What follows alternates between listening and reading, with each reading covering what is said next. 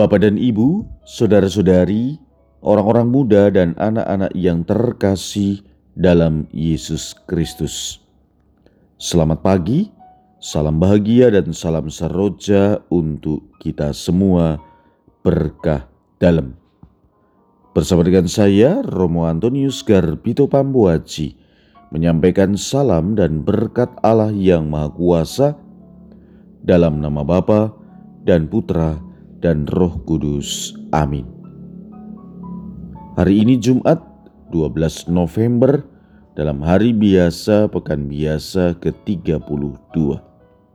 Bertepatan dengan peringatan wajib Santo Yosafat, Uskup, dan Martir.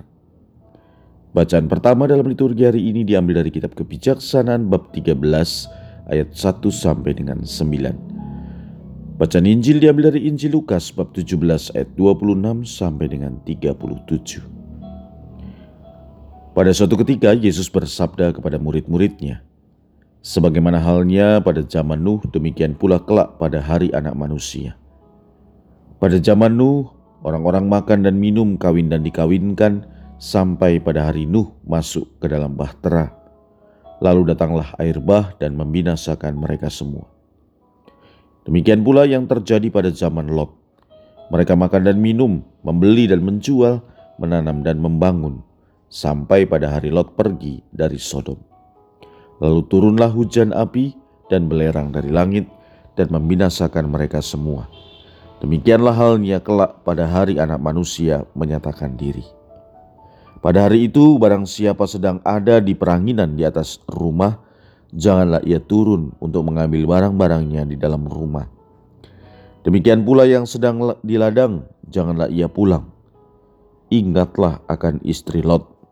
Barang siapa berusaha memelihara nyawanya, ia akan kehilangan nyawanya, dan barang siapa kehilangan nyawanya, ia akan menyelamatkannya. Aku berkata kepadamu pada malam itu, kalau ada dua orang di atas ranjang, yang satu akan dibawa dan yang lain ditinggalkan. Kalau ada dua orang wanita yang sedang bersama-sama mengilang, yang seorang akan dibawa dan yang lain akan ditinggalkan. Para murid lalu bertanya, "Di mana Tuhan?" Yesus menjawab, "Di mana ada mayat, di situ berkerumun burung nasar." Demikianlah sabda Tuhan. Terpujilah Kristus.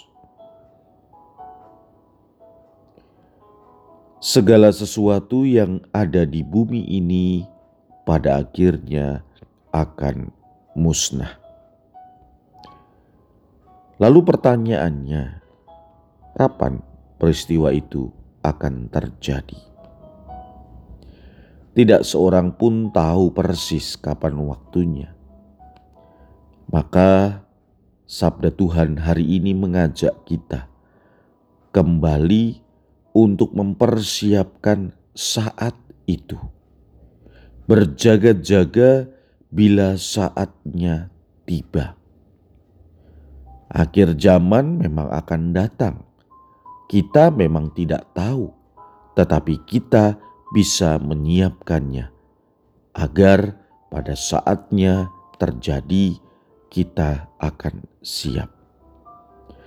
Akhir zaman yang dimaksud bisa bersifat sementara, tetapi juga bisa bersifat universal.